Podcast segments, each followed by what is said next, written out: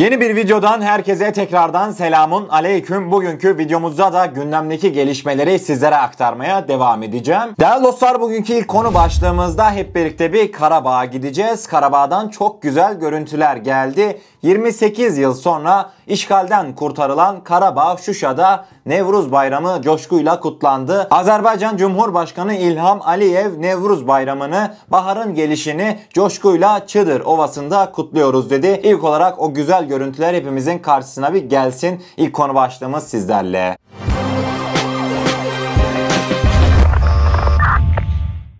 Azerbaycan'ın Karabağ'da işgalden kurtardığı Şuşa şehrinde kutlanan Nevruz Bayramı'na ilişkin bu durumun tarihi bir olay olduğunu belirten İlham Aliyev 2014 yılından beri her yıl Azerbaycan halkını tebrik ederken her defasında kendi topraklarımıza döneceğimizi söylüyordum. Her zaman Azerbaycan'ın toprak bütünlüğünü sağlayacağımızı, Nevruz Bayramı'nı işgalden kurtardıktan sonra Karabağ'da kutlayacağımızı söylüyordum ve o gün geldi. Biz Nevruz Bayramı'nı kadim şehir Azerbaycan'ın kültür başkenti Şuşa'da kutluyoruz. Bu tarihi bir olaydır, bu büyük bir sevinçtir diye konuştu. Bu haberi ilk konu başlığımızda sizlerle paylaşmamın temel sebebi de aslında Azerbaycan Cumhurbaşkanı Sayın İlham Aliyev'in de belirttiği üzere bu gerçekten de tarihi bir olaydı. Azerbaycanlı kardeşlerimiz işgalden kurtardıkları topraklarında coşkuyla tam 28 yıl aradan sonra tekrardan Şuşa şehrinde Nevruz ateşini yaktılar ve bayramı doyasıya kutladılar. İlk konu başlığımızda Karabağ'daki bu önemli haberi sizlere aktardıktan sonra ikinci konu başlığımızda bir Fransız medyasına gideceğiz. Fransız medyasından AFP gerçekten çok ilginç bir başlık attı. Başlıkları şuydu. Türkler Türk sihaları sayesinde etki alanlarını genişletiyorlar dedi. İsterseniz haberimizin detayları ikinci konu başlığımızda karşınıza bir gelsin. Fransız haber ajansı AFP Türkiye'nin ürettiği silahlı insansız hava araçlarının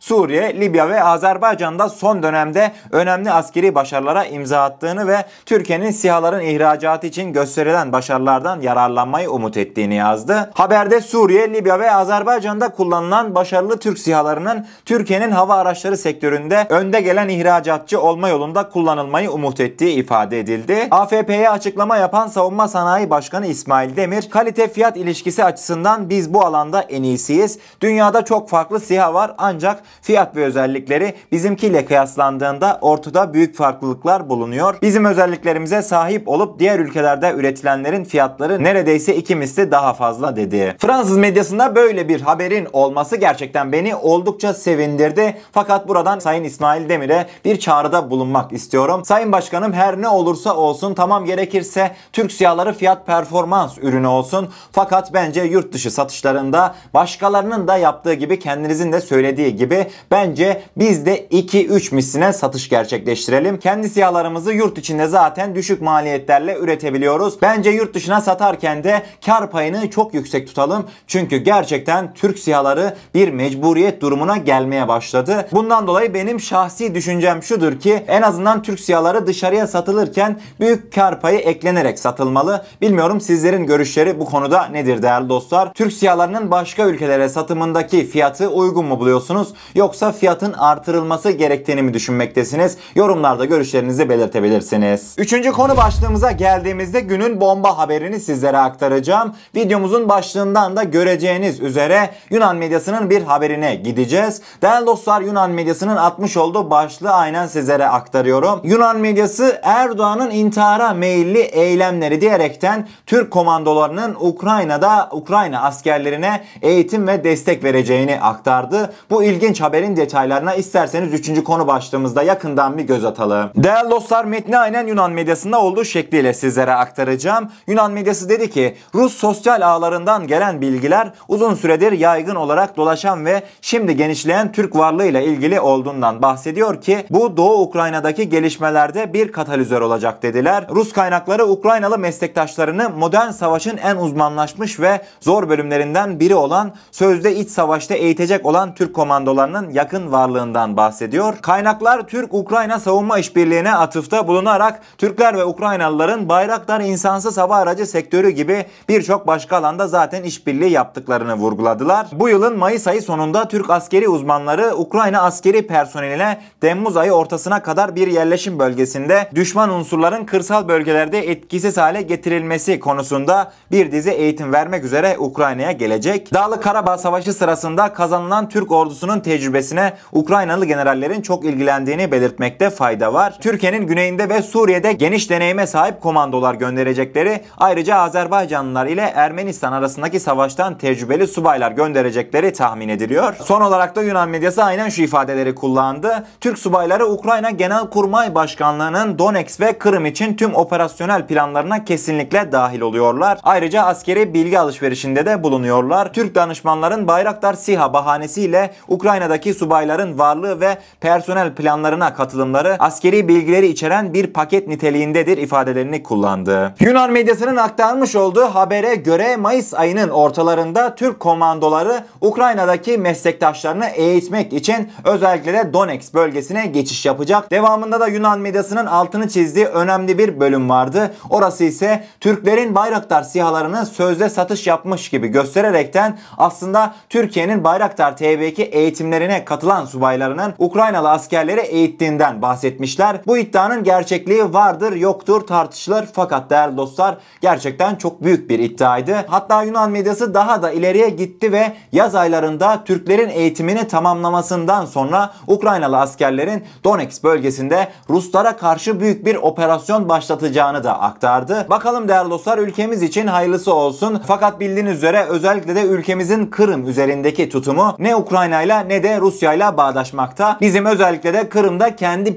planlarımızın olduğunu da söylemeden edemeyeceğim. Yine Kırım dosyasına da başka bir videoda daha detaylıca değiniriz. Bu konu başlığında diyeceklerim bu kadar değerli dostlar. Üçüncü konu başlığımıza geldiğimizde çok hadsiz bir girişime tanıklık edeceğiz. Tabii ki de tahmin edeceğiniz üzere bu hadsizlik Amerika'dan geldi. Amerikalı 38 senatör Biden'a bir çağrıda bulundu. Biden'a dediler ki nasıl ki başkan olmadan önce 1915 olaylarını sözde Ermeni soykırımı olarak tanıyorsanız şimdi de sizleri 1915 olaylarını Ermeni soykırımı olarak tanımaya davet ediyoruz dediler. Dördüncü konu başlığımızdaki çarpıcı haberin detayları şu an karşınızda. ABD'de 38 senatörün imzasını taşıyan sözde Ermeni soykırımı tasarısı hakkında bir mektup Başkan Joe Biden'a gönderildi. Öncülüğünü Demokrat Senatör Bob Menendez ile Cumhuriyetçi Senatör John Colley'nin yaptığı grubun imzasını taşıyan mektup Senato Dış İlişkiler Komitesi tarafından kamuoyuna duyuruldu. Her iki partiden de senatörlerin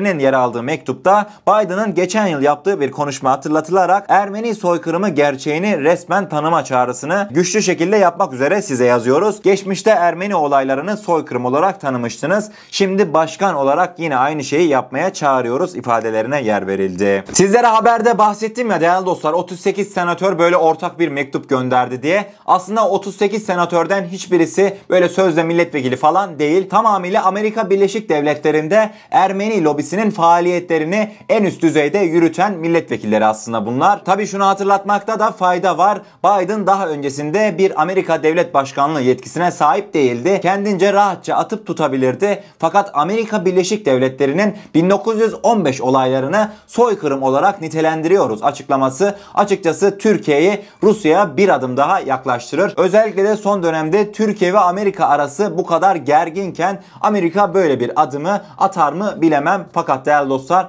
gerçekten önemli bir haberdi. Sizlerin de görüşlerinizi açıkçası merak ediyorum. Sizce Amerika Devlet Başkanı Biden gerçekle uzaktan yakından ilişkisi olmayan sözde 1915 olaylarını soykırım olarak kabul eder mi? Görüşlerinizi yorum olarak belirtebilirsiniz değerli dostlar. Beşinci ve son konu başlığımıza geldiğimizde çok ilginç bir habere gideceğiz. Değerli dostlar bir İngiltere'ye uzanıyoruz. İngiltere'nin İçişleri Bakanı Priti Patel'ın önemli bir planına değineceğiz. Değerli dostlar hatırlarsınız geçtiğimiz yıllarda özellikle de İdlib olaylarından sonra göçmenlerin Avrupa yolculuğu daha da katlanarak artmıştı. İngiltere'de Suriyeli göçmenlerin İngiltere'ye varmasını, İngiltere'de konaklamasını engellemek için mülteciler İngiltere'ye gelmeden mültecileri Türkiye'ye geri gönderelim planı yapmışlar. Evet yanlış duymadınız. Sanki Türkiye mülteci konusunda üstüne düşeni yapmıyormuşçasına Türkiye'ye mültecileri geri göndermeyi planlamaktalarmış. İsterseniz haberin detaylarına son konu başlığımıza yakından bir göz atalım. İngiltere'ye ulaşmak için Manş denizini aşan yasa dışı göçmenler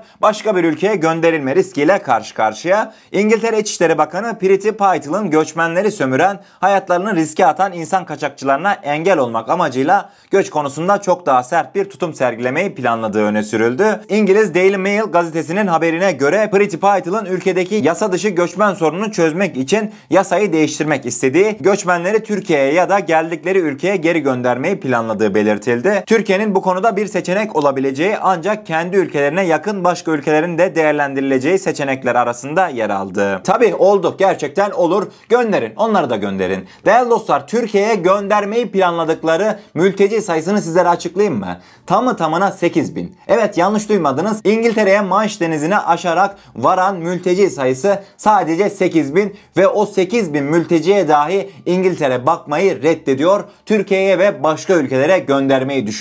Biz mi çok hoşgörülüyüz yoksa onlar mı çok sert? İnanın karar veremedim. Bu konu hakkındaki düşüncelerinizi de yorum olarak belirtebilirsiniz değerli dostlar. Evet bugünkü gelişmeleri sizlere aktardım. Umarım doğru bir şekilde anlatabilmişimdir. Eğer kanalımıza ilk defa gelmekteyseniz kanalımıza abone olarak bizlere destek olabilirsiniz. Videomuzu gerçekten beğenmişseniz, beğenirseniz çok mutlu oluruz diyorum ve kendinize çok iyi bakın. Allah'a emanet olun. Her şey istediğiniz gibi olsun. Sağlıcakla.